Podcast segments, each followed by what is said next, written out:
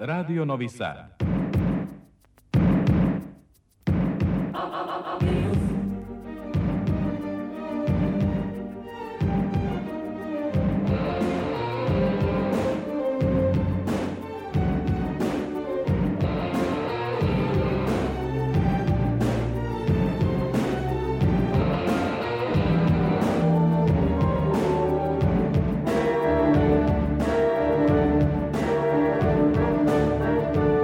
Spektar.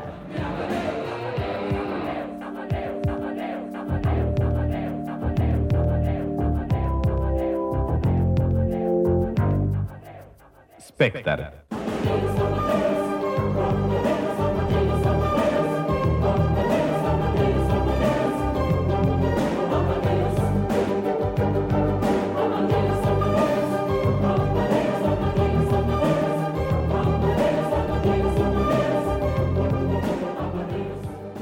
Dragi slušalci, dobroveče. Moje ime je Ivana Maletin Ćorilić i želim vam dobrodošlicu u Spektar. Petak veče na talasima Radio Novog Sada rezervisano je za teme iz oblasti kulture, a evo oni glavnih o kojima ćemo govoriti u narednih sat i po vremena. U Beogradu počeo jubilarni 50. fest – U Novom Sadu dve pozorišne premijere, kod Večite Slavine, Momčila Anastasijevića u režiji Sonje Petrović na sceni Srpskog narodnog pozorišta i Deca Paklene pomoranđe, prva režija Kokana Mladenovića u pozorištu mladih koje slavi devet decenija postojanja. Na Novosadskoj akademiji umetnosti u toku je festival Nedelja promene, posvećen nedavno preminuloj glumici i organizatorki festivala Dostani Nikolić.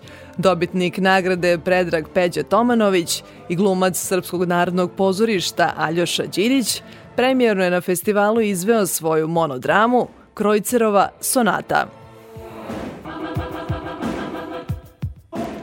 U velikoj sali Kulturnog centra Novog Sada odigrana je predstava Ana, nastala u saradnji Kulturnog centra Novog Sada i Teatra mladih Mišolovka.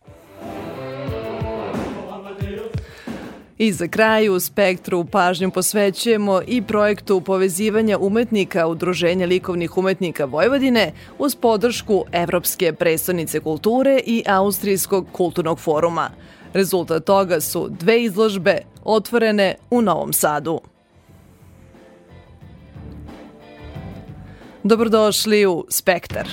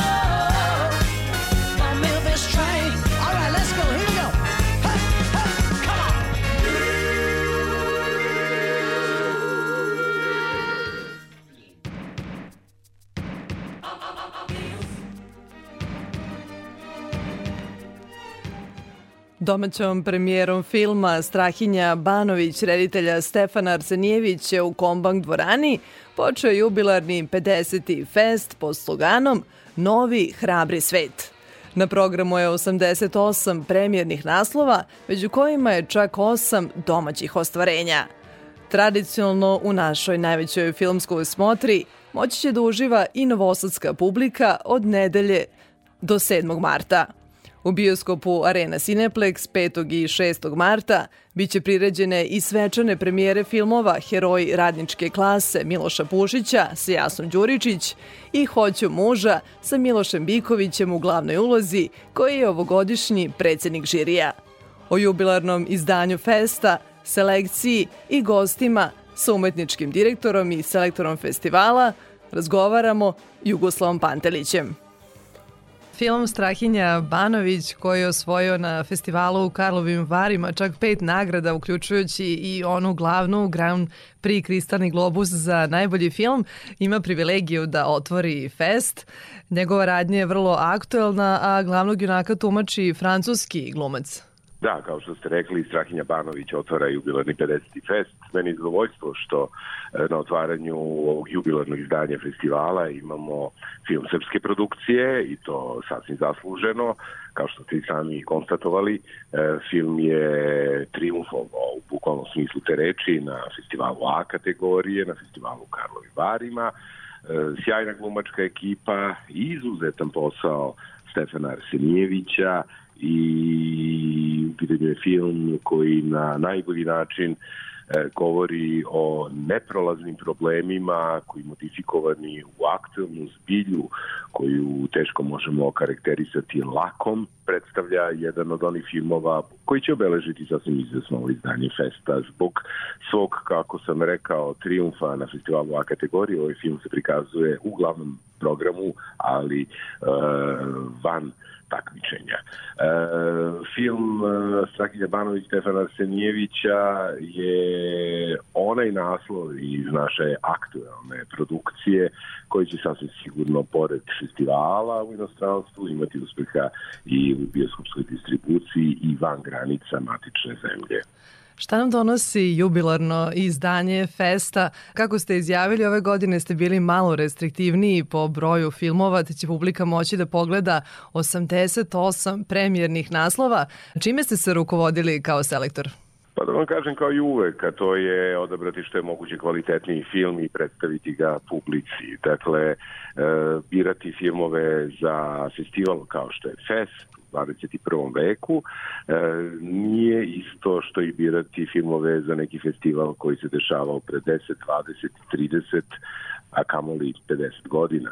Dakle, e, kao što i sami znate, postoji jedna e, globalna, distributivna pravila koja, koja prosto onemogućavaju da svi filmovi koje selektor zaželi da predstavi na festivalu mogu da se obezbede za prikazivanje na istom. E, tako da smo se već unazad godinama istrenirali da nam upravo e, to što bi na izgled izgledalo kao veliki problem u stvari bude nešto što možemo da okarakterišemo njegovom suprotnošću. E, dakle, mogućnost da otkrijete, pogledate filmove koji dolaze iz takozvanih malih kinematografija i usresredite se na neku novu energiju koja je i tekako karakteristična kada je autorstvo pitanje za ovaj festival, je nešto što e, je sasvim sigurno prisutno u ovogodišnjem programu.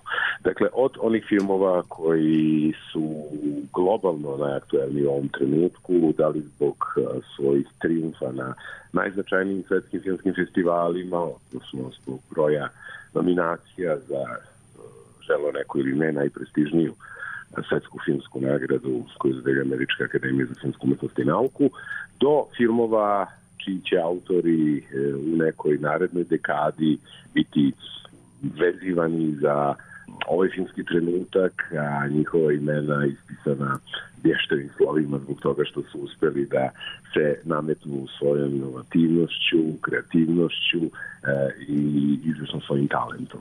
E, slogan prvog festa 1971. godine bio je Hrabri novi svet, dok je ovogodišnji Novi hrabri svet. Šta nam tom malom igrom reči poručujete? Ja nisam autor slogana, tako da e, mogu samo da kažem neko svoje mišljenje.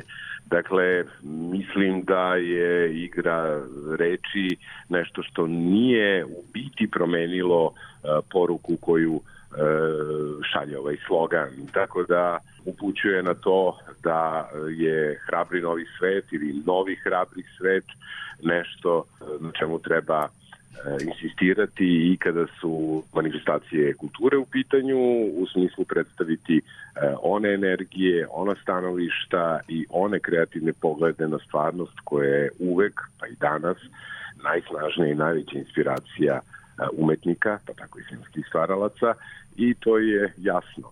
Mislim da upravo umetnici, dakle oni koji inspirisani stvarnošću pretaču svoje e, ili tuđe, ukoliko ne govorimo o potpunim autorima snove u pokretne slike, nešto što može i tekako da nas uputi i da nam pomogne da svet sagledamo pravilnije, te da nas inspirišu da i sami e, istražujemo i, i e, borimo se tokom svog e, života da na što je e, istinitiji i temeljniji način sagledavamo svet oko sebe.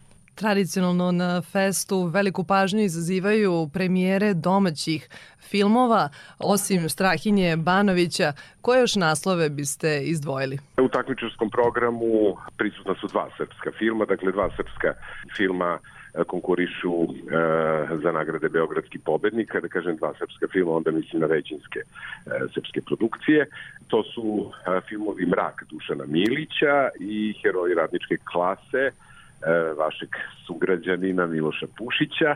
Pušić se posle Berlina e, na festu predstavlja sa svojim trećim, dakle aktuelnim filmom sa sjajnim Jasnom Đuričić. E, posle filma Jesen u mojoj ulici i odumiranje, ovo je treći Pušićev film i čini mi se jedan od onih koji će postići, to je sada skoro pa izvesno, e, najveći uspeh u njegovoj dosadašnjoj karijeri.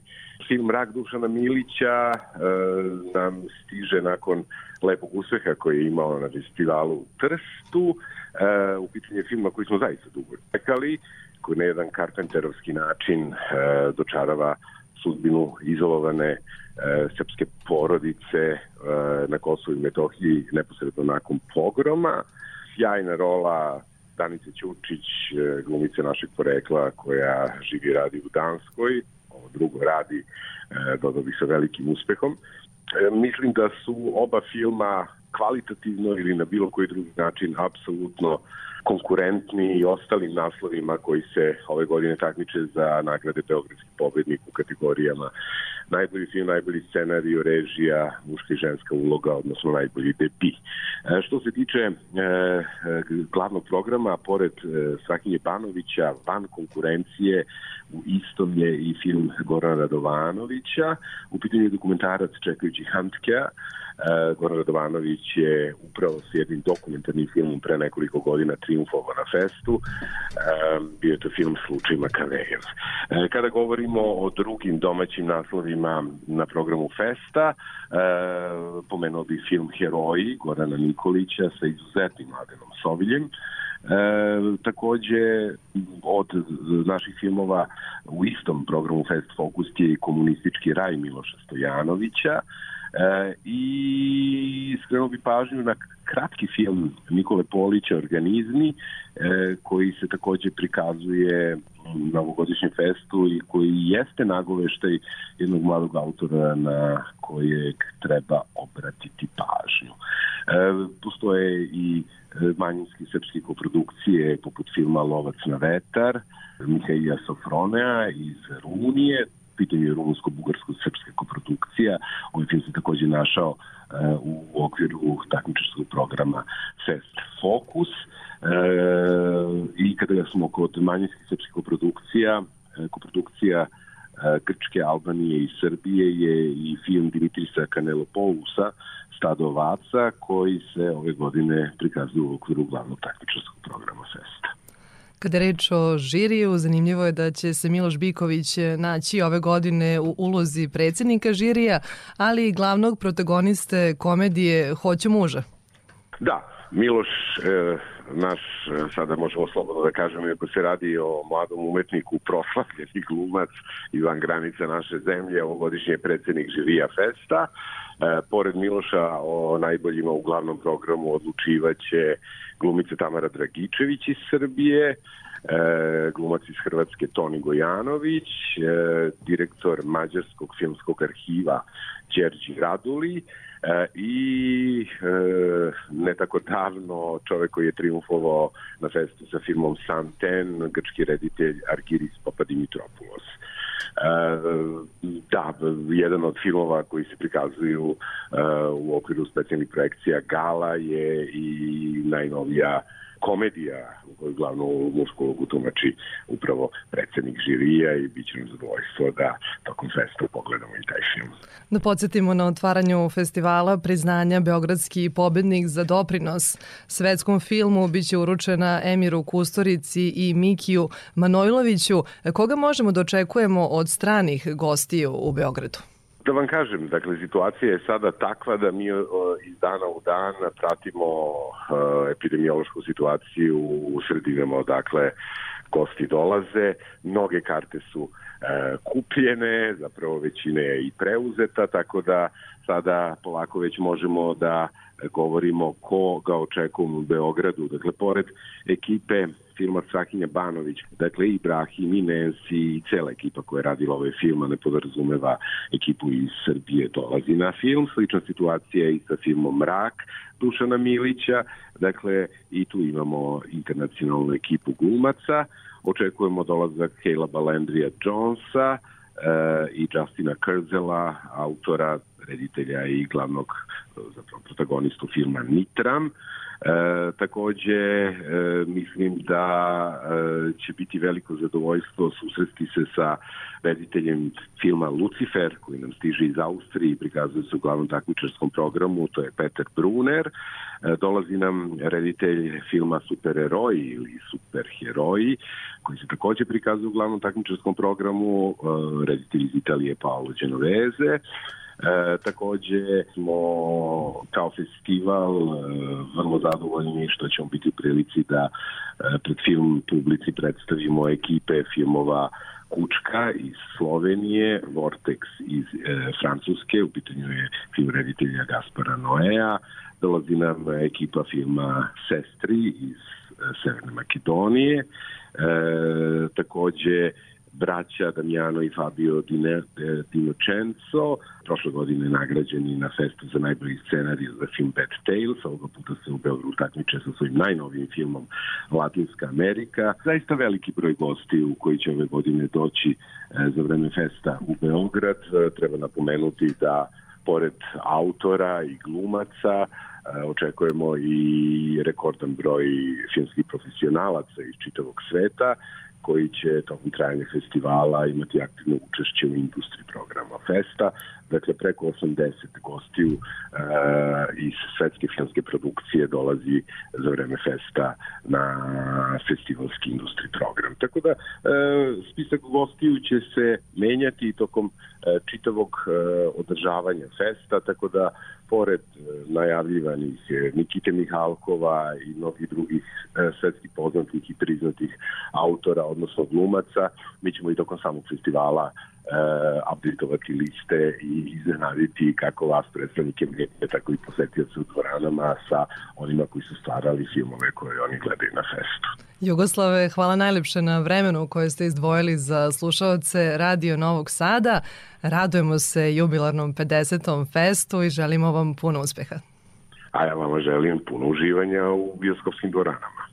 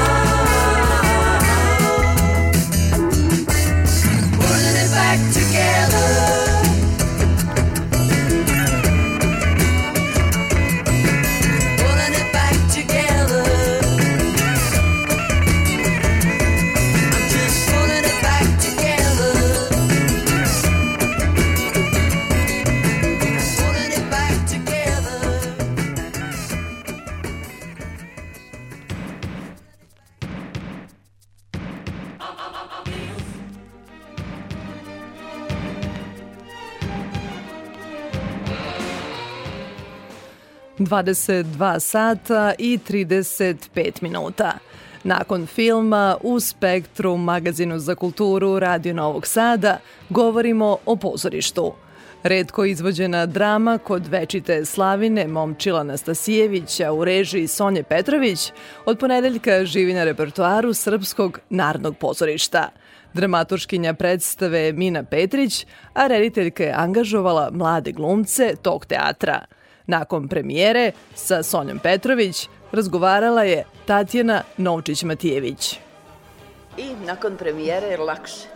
Da, pa jeste, kao, mislim, padne taj adrenalin, nekako se desi ta kruna tog rada, u ovom slučaju veoma mukotrpnog i, i teškog, ali opet jeste kruna tog rada premijera, tako da... Interesantno je da ste vi, uslovno ću reći, da. generacijski, jel? Prigrlili jednog pesnika koji je fascinantan koji istina nije toliko jak u dramskom tekstu, ali ima svih onih naznaka iz svoje poezije.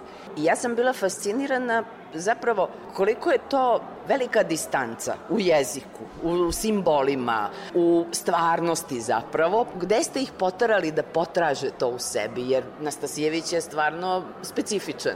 Pa jeste, on je pre svega poeta i negde se bavi tom takozvanom maternjom melodijom i u stvari jezikom duše i bavi se negde dušom i to jeste bilo najteže i najvažnije u samom početku, početku do, otključati tu njegovu nedokučivost. U stvari kad se to negde otključa, onda se shvati da je to vrlo prirodno, vrlo postojano, vrlo savremeno i dalje postoji u svima nama, ali je negde bilo važno otključati sve motive likova, njihove odnose, način na koji utiče njihova prošlost na njihovu sadašnjost i to je nešto što je bilo najvažnije za nas u samom početku rada. I e, bilo je stvarno naporno i glumcima i veliki su zadaci glumački zaista i negde ti likovi su mogu slobodno da kažem, mitskog e, obima.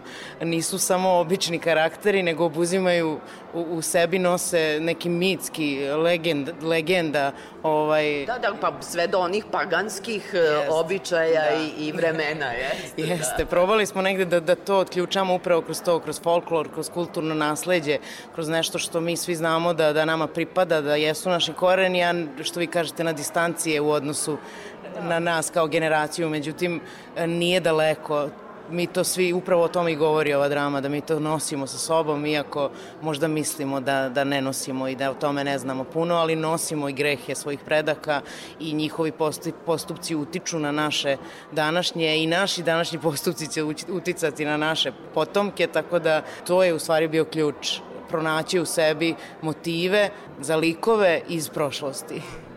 Da, zapravo kada se oni ožive na sceni, onda oni funkcionišu tu i sada i ovde i među nama. Ceo autorski tim, čini mi se, odradio je maksimalno svoj posao. Ja sam bila fascinirana scenografijom, tim zavesama koje su jel, ti e, vremenski odmaci, ali i tim stolicama koje su stalno haos i koje ovaj nesrećni stojan, odnosno Ćopan pokušava da uspostavi neki red.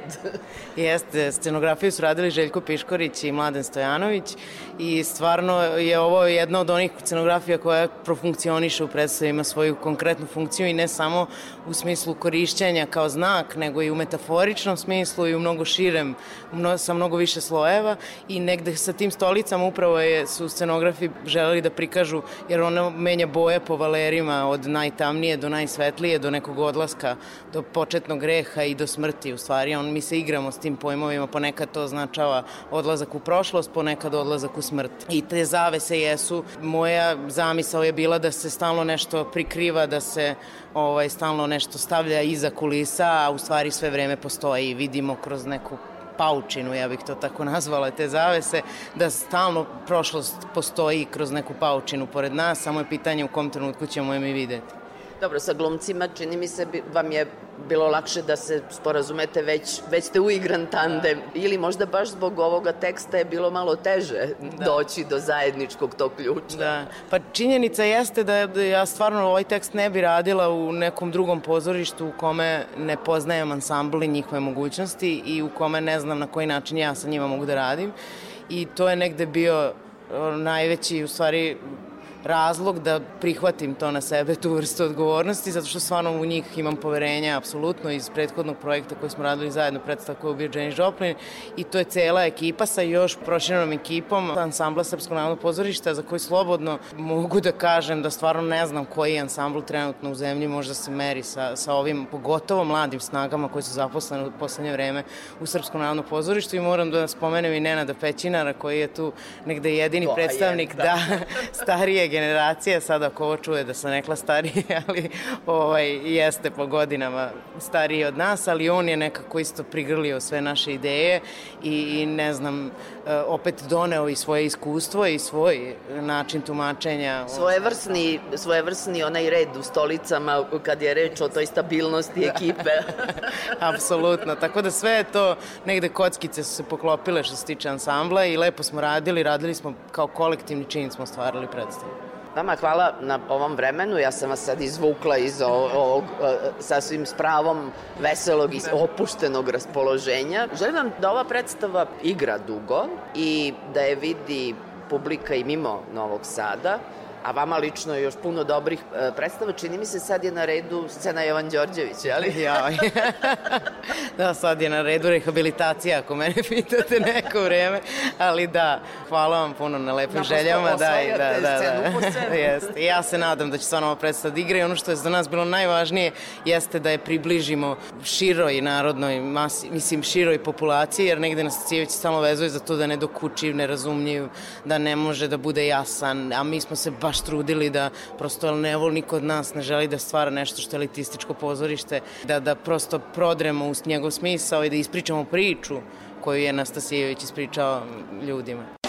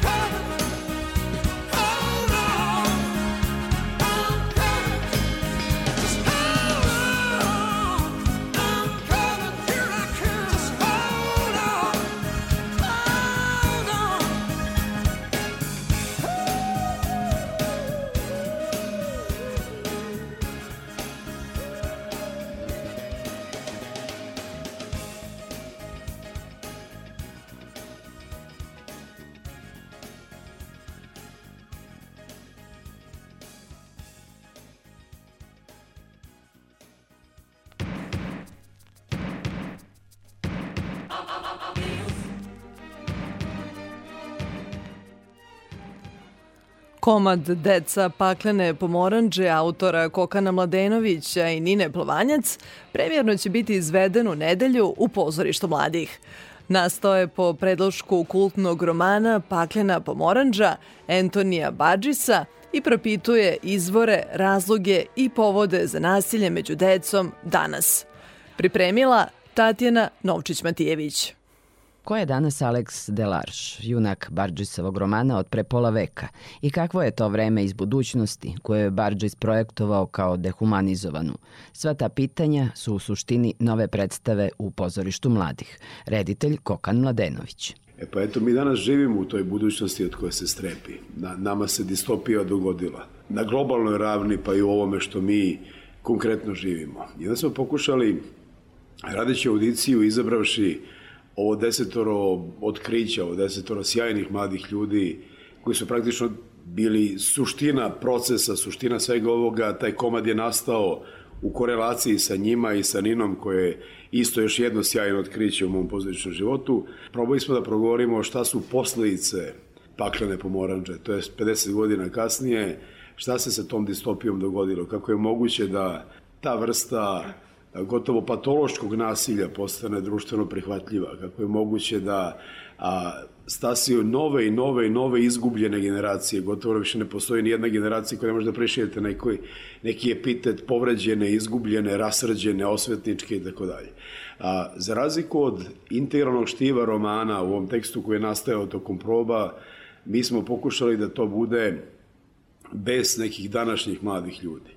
Ali kad pogledate taj koordinatni sistem u kome oni žive i odrastaju, kad pogledate sve te mame i tate na prinodnim odmorima, malim platama, poniženo u tom svetu prekarijata, kad pogledate kako izgleda politički sistem u zemlji u kojoj živimo, koliko tu realno ima slobode i demokratije, kad prođemo kroz te škole koje odavno nisu vaspitne organizacije, a i obrazovanje koje daju sve upitnije, Kad pogledate šta stvarno jeste vredno u njihovom životu, ko su zvezde koje se nameću, šta su vrednosti, ko su bogati ljudi i tako dalje, onda je logično da postoji jedna ogromna količina besa i nezadovoljstva u njima, logično je da oni sami požele da, da ugrabe svoje parče života i to rade na jedan radikalno nasilan način.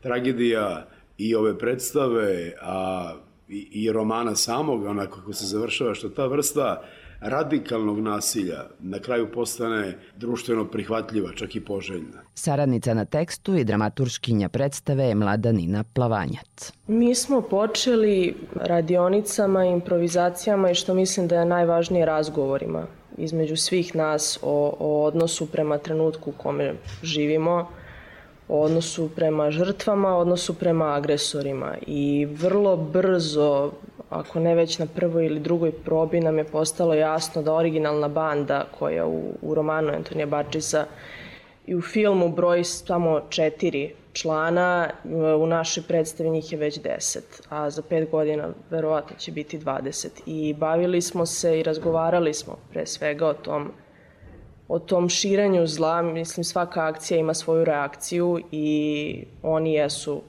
reakcija na njihovo nasilje jeste reakcija na nasilje s kojim su oni odrastali i, i kome su svedočili.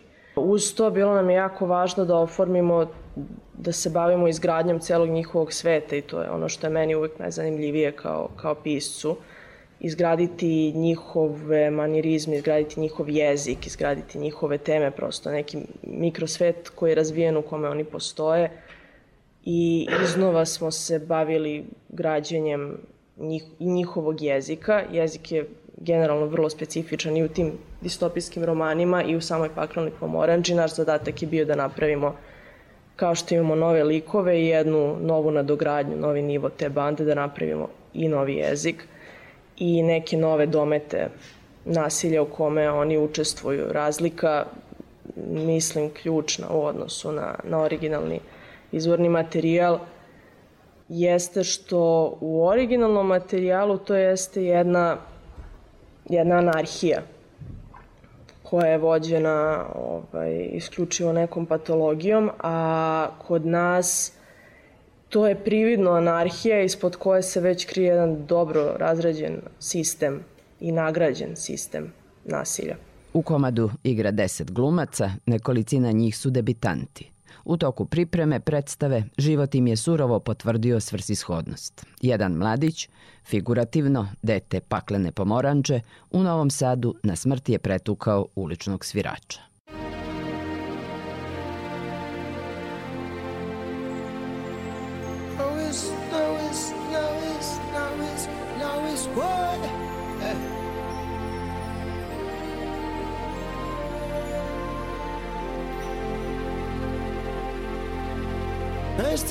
Important, but important to be nice. So just da da da da. Tell me, love, what would you say if I came to you on Judgment Day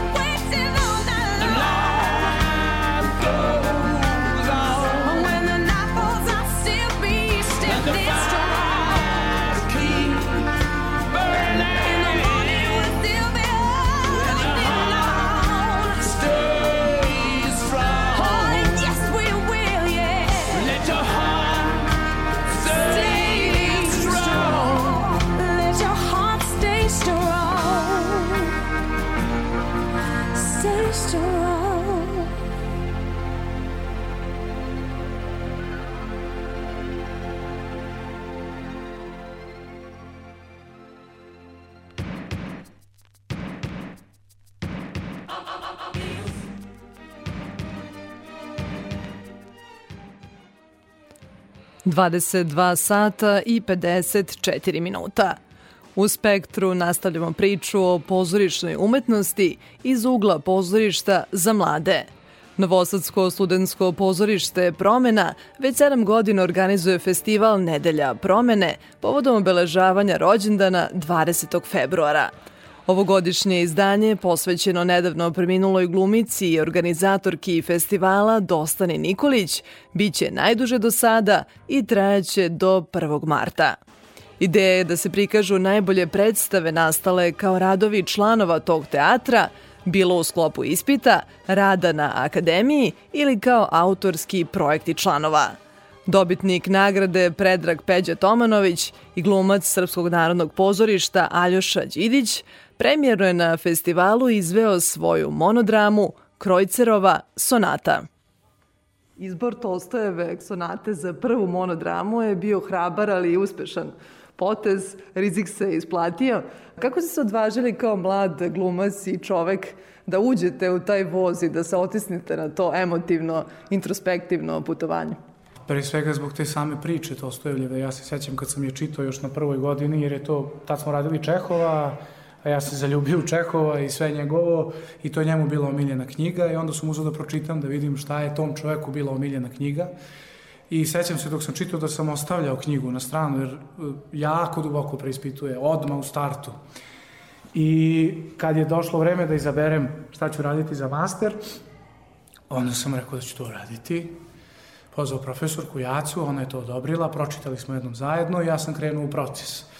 I ja sam pre dve godine završio master i finale tog procesa je bilo u vozu na relaciji Novi Sad e, Subotica. Dogovorio sam sa železnicom preko akademije da mi dopuste da budem u vozu i tu su bili profesor Kajaca, profesor Boris Saković, profesor Boris Lješević, profesor Kasanja, Ristić Krajnov i moji klasići i još ljudi u vozu koji su tu bili i to je onako bilo baš jedno zanimljivo, uzbudljivo iskustvo. I tad sam stao sa tim, odnosno ne stao, ja sam znao da želim to dalje da igram, ali sam imao dosta obaveza i nekako se na periode vraćao radu na Krojcerovoj sonati, nekad na nedelju dana, nekad na dva dana, nekad na po dve, tri nedelje sam spavio kad sam imao vremena i nekako pre jedno mesec dana sam osetio da je to sad sazrelo u meni i da je vreme da izađem sa tim pred ljude i da nekako najjednostavnije ispričam tu priču.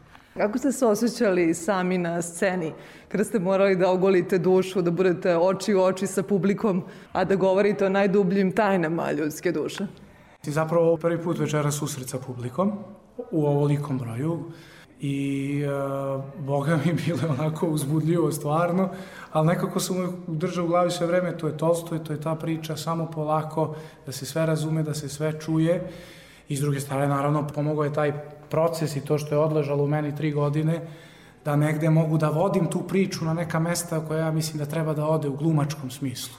I evo sad, sad ću razgovarati s kolegama, s profesorima da vidim šta, kakav je utisak, jer sigurno ovo je sad e, prvo igranje i proces se naravno nastavlja dalje, koji uvijek tako smo učeni na našoj školi, ja drugačije i, i, i, i ne znam ali ovo prvo igranje je bilo značajno da se, da kažemo, probije led, da se izađe pred ljude, a sad u razgovoru s kolegama svako će znati da predloži nešto dobro, pa da vidim šta, kako, kako deluju te stvari koje su postavljene tako kako su postavljene i kako deluje ta priča na ljude. A mislim da ne može da ne deluje. Da, Vasina ispovest potpunom strancu u vozu 11 meseci nakon što je oslobođen zbog ubistva žene nije samo priča o zločinu i strasti, mm. nego jedna duboka filozofska studija mm. o mhm. ljubavi, braku, položaju žene i muškarca. Koje pitanja su vas najviše zaintrigirala čitajući tekst? Meni je uvijek ta prva rečenica, to što on i Poznišev kaže, odnosno Tolstoj, to imali gvožđa i kakvih sve metala ima na suncu i mesecu. To se danas može brzo doznati. Ali šta je to što čoveka pretvara u životinju, u svinju, u zver? To će ljudi jako teško doznati. Vi barem slušate, ja sam i na tome zahvalan. To je prva stvar, mislim da je to nekako linija, e, sama suština iz koje sam nekako izvukao, da kažem, tu dramatizaciju, adaptaciju, kako god, prilagođenje teksta. Ali druga stvar je zanimljivo to što on kaže, ja sam e, mene su oslobodili, ja sam izašao iz zatvora, proglasili su me nevinim, kako oni to nazivaju. Ali ja sam proveo 11 meseci u zatvoru i za tih 11 meseci ja sam sagledao ceo svoj život i doživao sam moralni preokret. I shvatio sam gde je koren svemu. Shvatio sam da ja nisam ubio svoju ženu tog dana kad sam je ubao nožem ispod dojke, nego mnogo ranije. Mnogo, mnogo ranije shvatio sam da sam ja počeo da je ubijam i pre nego što sam je upoznao. Zbog života koji je on vodio, jeli, dok je nije upoznao, onda i kad je upoznao. Da je na kraju shvatio da on ju uopšte ne poznaje, nego da poznaje samo to životinsku u njoj i da je zapravo sve vodilo ka tom ubistvu. Da, oktelnosti ove priče svedoče i reakcije publike mm. koja je burno reagovala i da. osmehivala se da, da, na da. neke veoma mračne scene, da, da, da. izjave o mržnji, o bolu, patnji.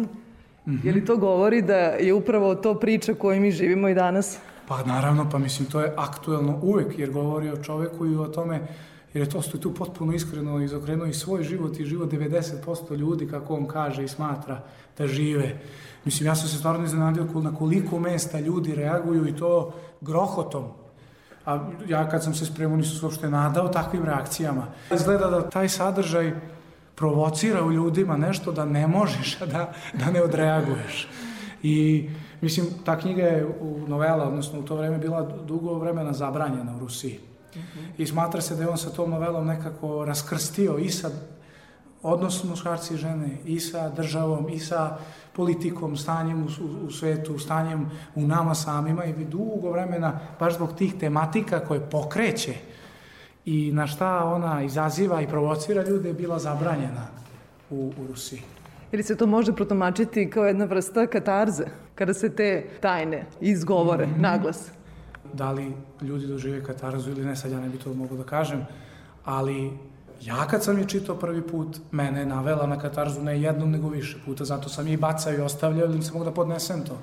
Ali kad onda uzmeš pa sazvaćeš da to odstoji u tebi sve to što si pročitao ili večeras čuo na predstavi, ne znam, negde verujem sigurno da, da ljudi će razmišljati o ovoj, o, o ovoj priči. Čini se da suvereno vladate scenom i da se osjećate kao kod kuće u akademiji. Šta je vama promena donela i kako izgledala ta vaša tranzicija sa ove intimne scene na najveću scenu Srpskog narodnog pozorišta? Promena mi je donela mnogo, ja mislim svima nama, ali ja sam ono, baš puno stvari i oko toga šta je pozorište, kako se stvara pozorište, jer sve što smo igrali u promeni to su predstave koje su proizlazile iz našeg rada i procesa sa profesorkama.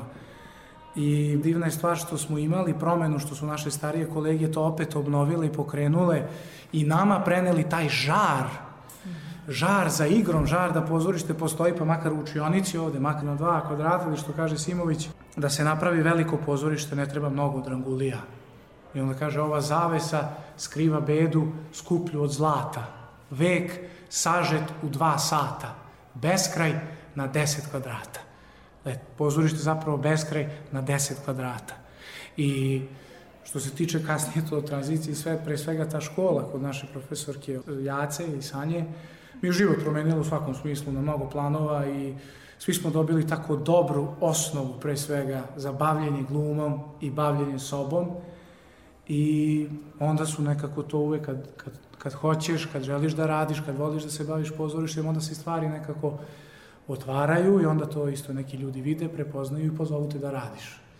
I onda je samo bitno za šta postoji opasnost i rizik da, da se izgubiš ili da odustaneš, da posustaneš, ali nekako e, kolege, dobri reditelji, profesori naši s kojima se viđamo, razgovori sa njima, podsjećanje na to šta je suštinski pozorište i film, ti daje snagu da, da naprotiv ne posustaješ, već da se još više baviš sobom i da samo napreduješ i da još dublje shvataš šta je to što čoveka privlači da dođe da gleda e, predstavu pozorište. Da to nisu ti više ono glupavi koncepti koji ono što je čest slučaj sada reditelji ispred pisca stavljaju koncepte koji su oni zamislili. I onda umesto da skromno priđu piscu i da vide šta piše tu, šta je taj čovjek pisao i stvarao, oni nekako se ispada kao, dalje to pokušaju da budu pametniji, ja ne znam kako to da nazovem, i onda dobijamo nekakve koncepte da ljudi dođu u pozorište i kažu što sam došao ja ovde. Meni je negde najbolje nekad, najlepše probe su nam bile kad sednemo u krug i čitamo samo komad. I imaš osjećaj da i publika sada dođe tu, da, da to sluša i to je to, ništa više od toga. Nešto malo igre još, nijansice i eto ga pozorište. Da, jeste li to naučili od vaše profesorke Jasne Đuričić, koja je da. poznata da. kao neko ko se bespoštedno daje na sceni, ko večito traga za istinom, ko ima taj minimalistički izraz, a opet dubog da. i dramski? Ma, ja vam kažem, ta žena je svima nama, ja tvrdim za sebe, život promenila. Pre svega zapravo, ta borba za čoveka i šta znači to kad izađeš na scenu pred ljude, da si ti tu u ime nekog čoveka, sa ciljem da onaj koji to gleda sagleda sebe. To je jedna stvar, jedna od stvari, sad bi mogli da pričamo tri dana o tome. A i druga stvar, ono što nam je uvijela, jeste ta odgovornost prema sebi i odgovornost prema svom pozivu i odgovornost prema svom talentu. da taj talenat traži svakodnevni rad. Ona je živi dokaz za to. Svakodnevni rad, svakodnevne bavljanje sobom i kad ne ide, prihvati da ne ide, ali i dalje insistira i traži, bavi se ovom, čitaj knjige, gledaj filmove, gledaj ljude na ulici, upoznaj se sa ljudima, kojim sadržajem se baviš, istraži ga detaljno. Znači, on, ja mislim zaista svaki proces koji smo sa njom prošli, kogod pisca da smo radili, mi smo ga kompletno obradili. Počevši od toga da čitamo sve od tog pisca, da bi shvatili šta piše taj čovjek, onda da istražimo njegov život, dnevnike, pisma, zapise, da vidimo kako je živeo, zašto je živeo, iz kojih to okolnosti su nastajala ta njegova dela.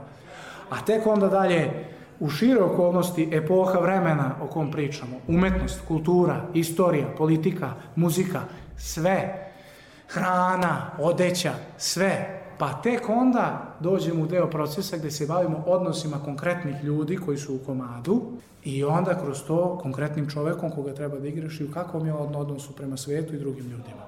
Nalazimo se na festivalu Nedelja promene da. koji je otvorila predstava Tri zime. Tako je. Možda i kruna vašeg zajedničkog rada sa profesorom. Ma to ne da je kruna, nego je zaista kruna. To je bio najintenzivniji proces i nekako je ona znala da od nas, poznajući nas, izvuče to što je potrebno, glumački ljudski, da igramo tu predstavu. I onda kad ti jednom dođeš na taj nivo, kad znaš dok si stigu, ti ispod toga onda ne ideš, sem ako baš ne zabrazdiš. I zato ta predstava toliko dugo živi, putuje, kupi nagrade na raznim festivalima i zato ljudi dolaze da je gledaju po 10, 12 puta, 6, kako ko. Zato se karte rasprodaju ovako, zato što su ljudi željni toga. U neverici da mladi glumci mogu da iznesu jednu takvu priču koju su ranije tumačili glumci u nekim poznim glumačkim godinama. Naravno, ali onda što kaže naša profesorka, ko će ako nećemo mi? Ko će ako nećemo mi? To je sad na nama da, da, da to što smo naučili, što učimo i dalje, da to unosimo u pozorište. Svi zajedno. Ovaj festival će biti najduži do sada jer ste ga posvetili svojoj koleginici koja nas je da. nažalost prerano napustila. Da, ta festival je posvećen Dostani i nekako, ne znam, sve u, u, u, u toj energiji nekako ona je bila baš onako imala posebnu energiju, bila je sva luckasta, vrckasta, puna, uvek nasmejana. I mislim, naravno da je festival posvećen njoj i naravno da smo u, u, u duhu toga sve vreme ovde sad. I za kraj, gde ćemo vas još gledati u narednim mesecima?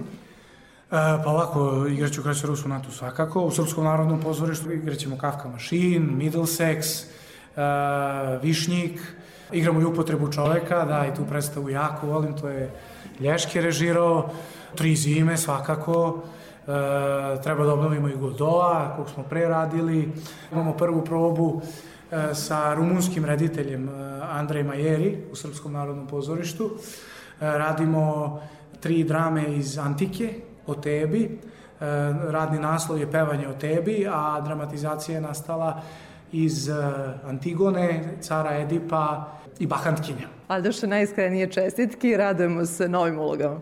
Hvala vam, Ivana, od srca.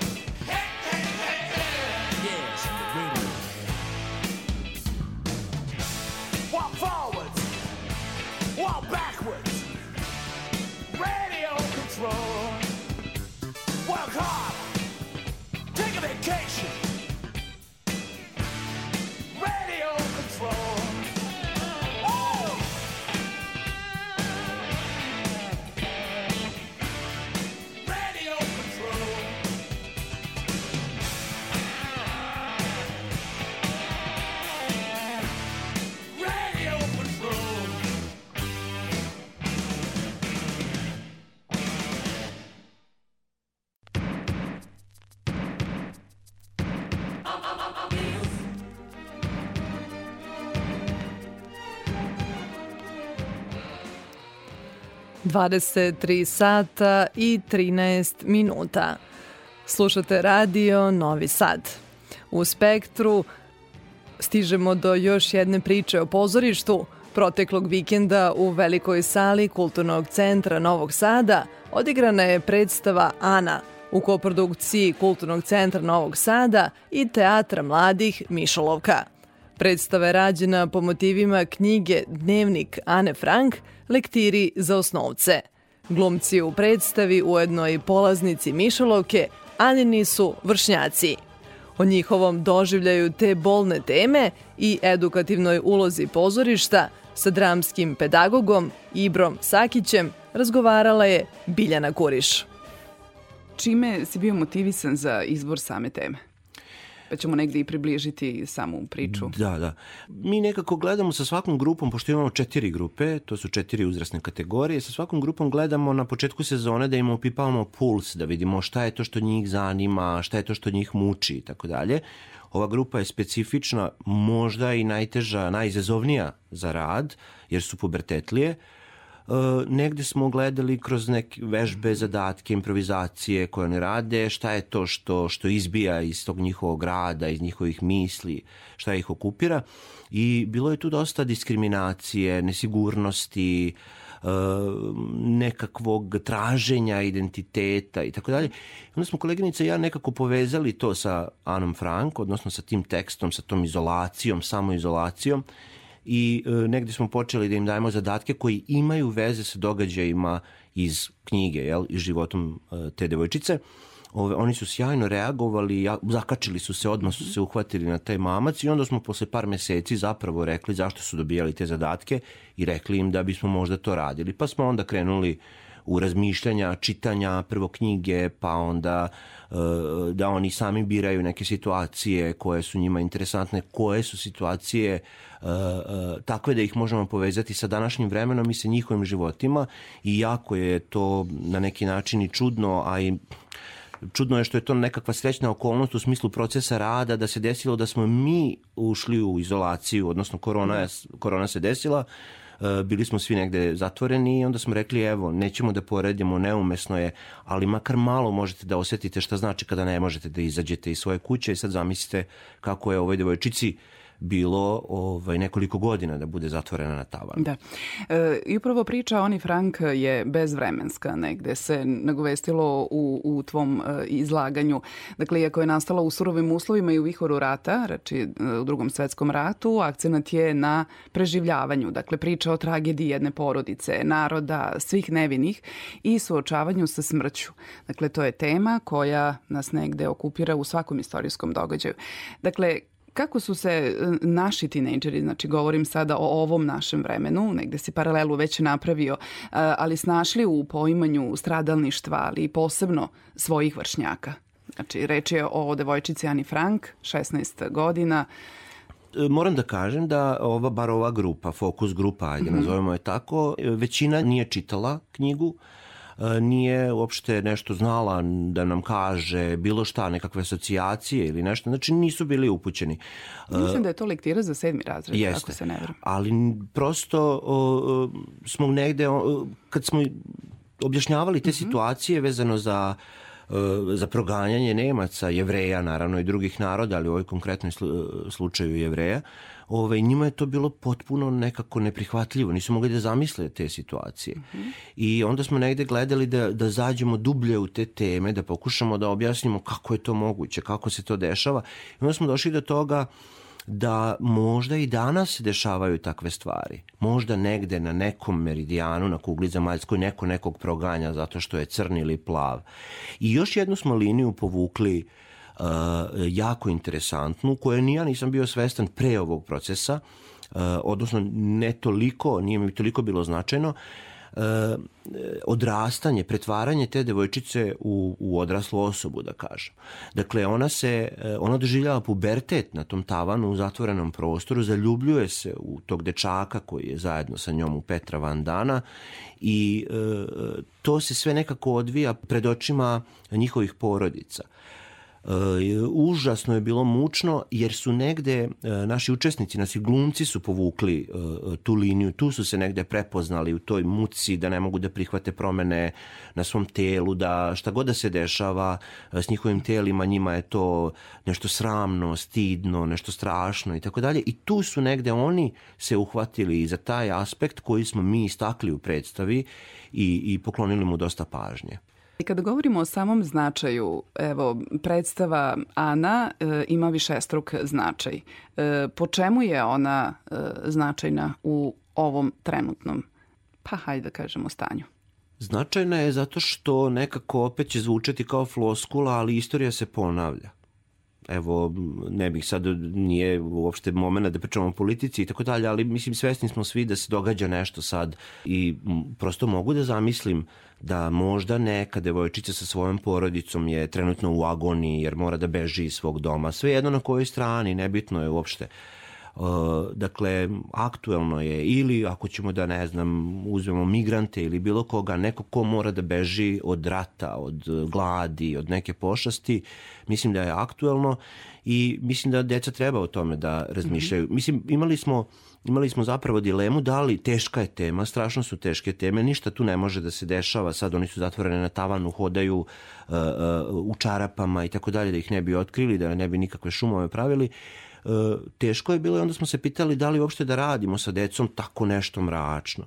I onda smo došli zapravo na, na to da ako je neka devojčica mogla to da živi i nažalost da ne preživi, pa možemo i mi sa našom decom da, da, da se time bavimo u pozorištu, jel?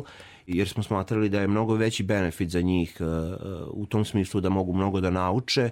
Mislim da je dobro opet s druge strane i ovi koji dođu u pozorište. Mm -hmm. Znate, ima divnih, entuzijastičnih, rekao bih, nastavnika da. koji dovode, dovode svoje đake i srednjoškolce iz osnovne škole na predstavu, čak i oni koji su već radili Anu Frank, koji su dakle, čitali, radili sa svojim učenicima, dovode ih naknadno na predstavu, što je sjajno.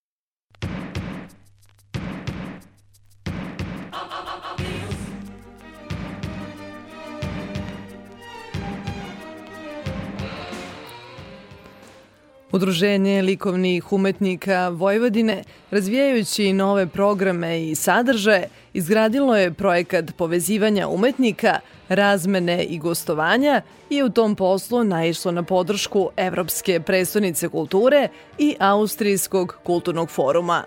Rezultat toga su dve izložbe otvorene u Novom Sadu na kojima umetnici govore o temi Izbrisani. Detaljnije Aleksandra Rajić. Ovih dana na Novosadskoj kulturnoj sceni raskošna ponuda izložbi koje vam na samom početku ove priče preporučujemo. U galeriji Matice Srpske postavka o umetnosti i migracijama. Ta tema je povodi kustosima Muzeja Vojvodine da na nov način obrade priču o najvažnijim eksponatima antičkim šlemovima. Na Spensu još ovog vikenda postavka o modernizaciji Novog Sada kroz arhitekturu i urbanizam, a u Muzeju savremene umetnosti Vojvodine završna kustoska priča o evropskom identitetu, ali iz ugla takozvane poluperiferije.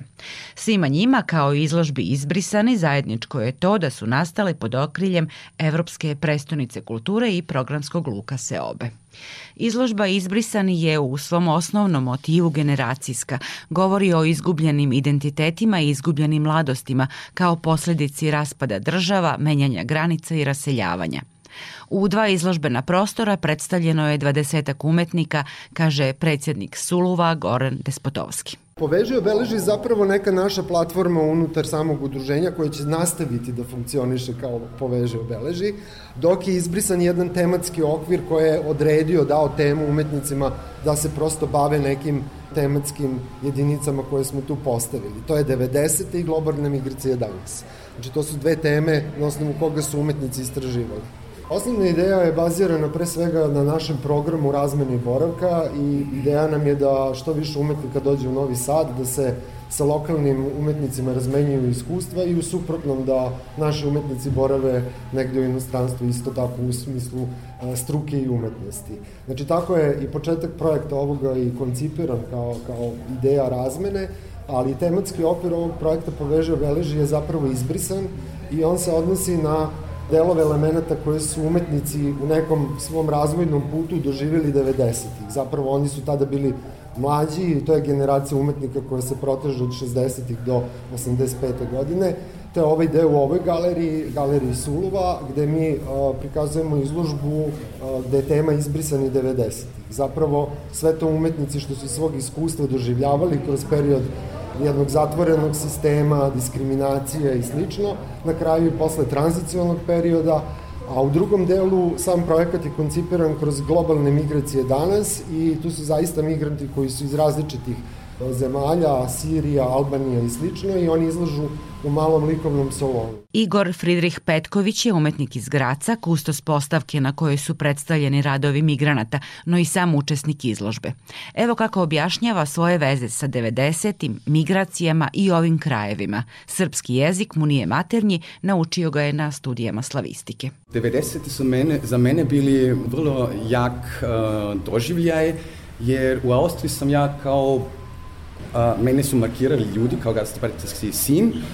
Šta je to bilo onda Čuš i Jugo kako su nas zvali u Austriji i kad sam se ja dovezao na to, propao je Jugoslavija. Znači nije bio viš, više Jugoslavija i eto sad nove identitete, nove strukture identiteta, to je od početak neki moj uh, deo rada.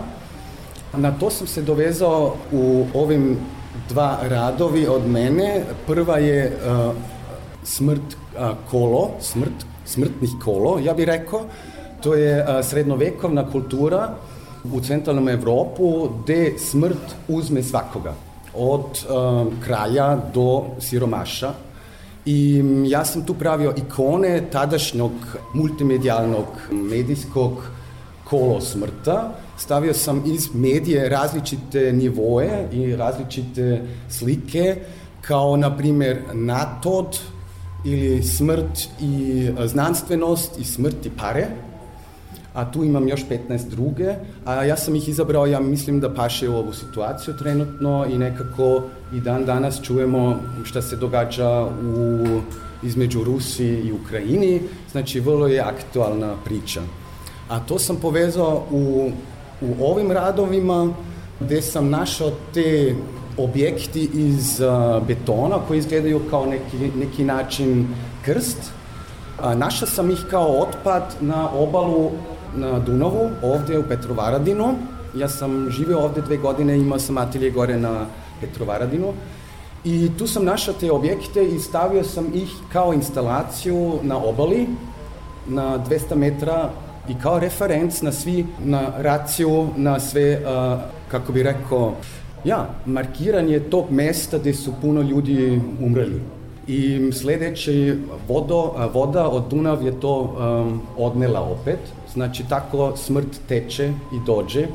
I ja verujem da su, da su to beskrajne priče i zbog toga isto u tom krugu i tako teče smrt i doće smrt I kao zadnja referencija sam ovde, ovi šlemovi, pravio kao uh, fosil rata i ja bih voleo da postane dalje te šlemovi samo kao fosili od ratovi koji neće da se dešavaju više. Tako sam, kako bih rekao, utopist mira. Programi razmene umetnika doneli su mu, kaže, nova iskustva i saznanja. Za mene je vrlo interesantno kako umetnici ovde rade, jer je nekako ne tako dominisan od strane umetnost kao tržište, nego više kao umetnost kao izjava svog života, kao reakcija na realitetu koji jeste drugačije nego u, u centralnom Evropu. I tako mi je kako bi rekao, oštri način uh, umetnost ovde, koje bitnije govori na tadašnje probleme čoveka. Teme izbrisanih imigracija nisu samo umetnički, već i egzistencijalni okvir za umetnike predstavljene novim izložbama, kaže likovni kritičar Saša Janjić. Ja mislim da je zajednički pre svega trenutak u kome žive. Znači, mislim da smo svedoci tog jednog procesa koga možda nismo svesni i koji se dešava već neko vreme. E, mnogi istoričari kažu da je možda ovo početak tih nekih velikih novih seoba, onih najvećih možda iz 3. 4. veka kada je Rimsko carstvo propalo.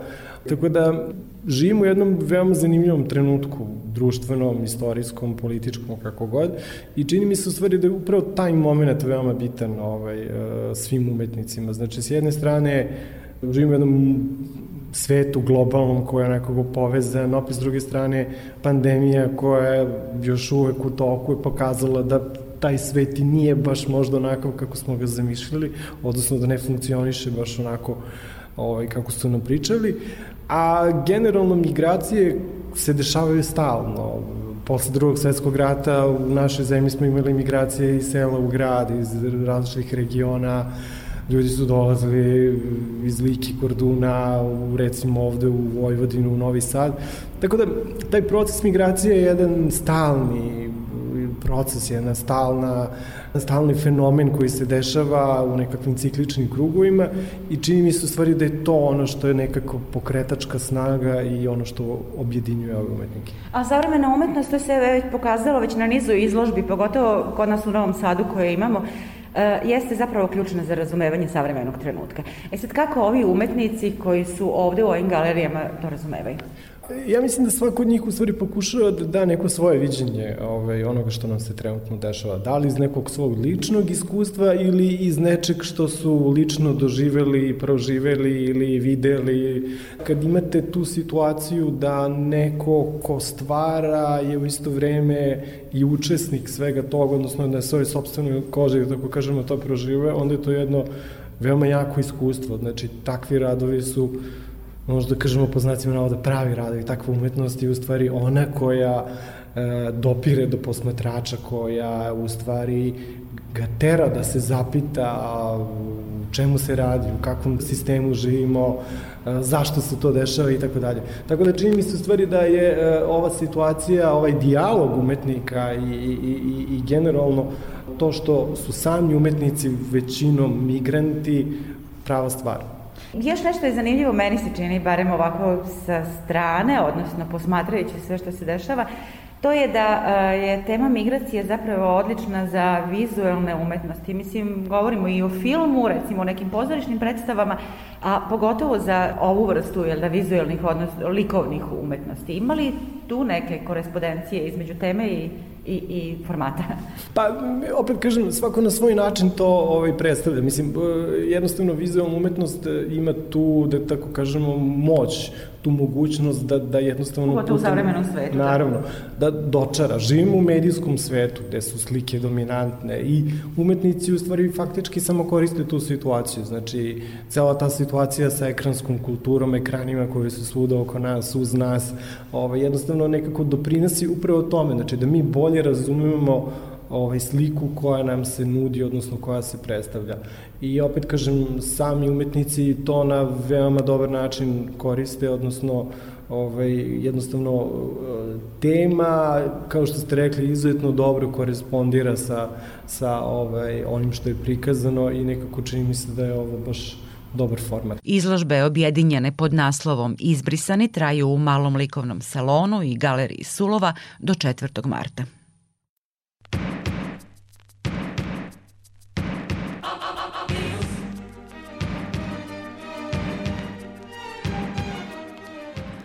Program Luka Seobe nastavlja se u Novom Sadu. Najaktuelniji regionalni i savremeni pisci i neka od najvećih imena world music scene sledeće nedelje dolaze u Evropsku prestonicu kulture i to na jedinstven multimedijalni književni paviljon Seobe duša od 3. do 13. marta na Novosadskom sajmu. Centralni događaj programske celine Seoba duša predstavljaće istoimena izložba sa podnaslovom Seobe duša Novi Sad kroz knjigu, čiji je nosilac Gradska biblioteka. Izložba će biti postavljena u auli Novosadskog sajma i povezana sa tradicionalnim sajmom knjiga. U sklopu sajma publici će se predstaviti i dobitnica ovogodišnje Ninove nagrade Milena Marković, kao i Ante Tomić i Slobodan Vladušić. O tome detaljnije ćemo govoriti u spektru narednog petka. Hvala što ste bili sa nama ove večeri. Ja sam Ivana Maletin Ćorilić i želim vam prijetan vikend.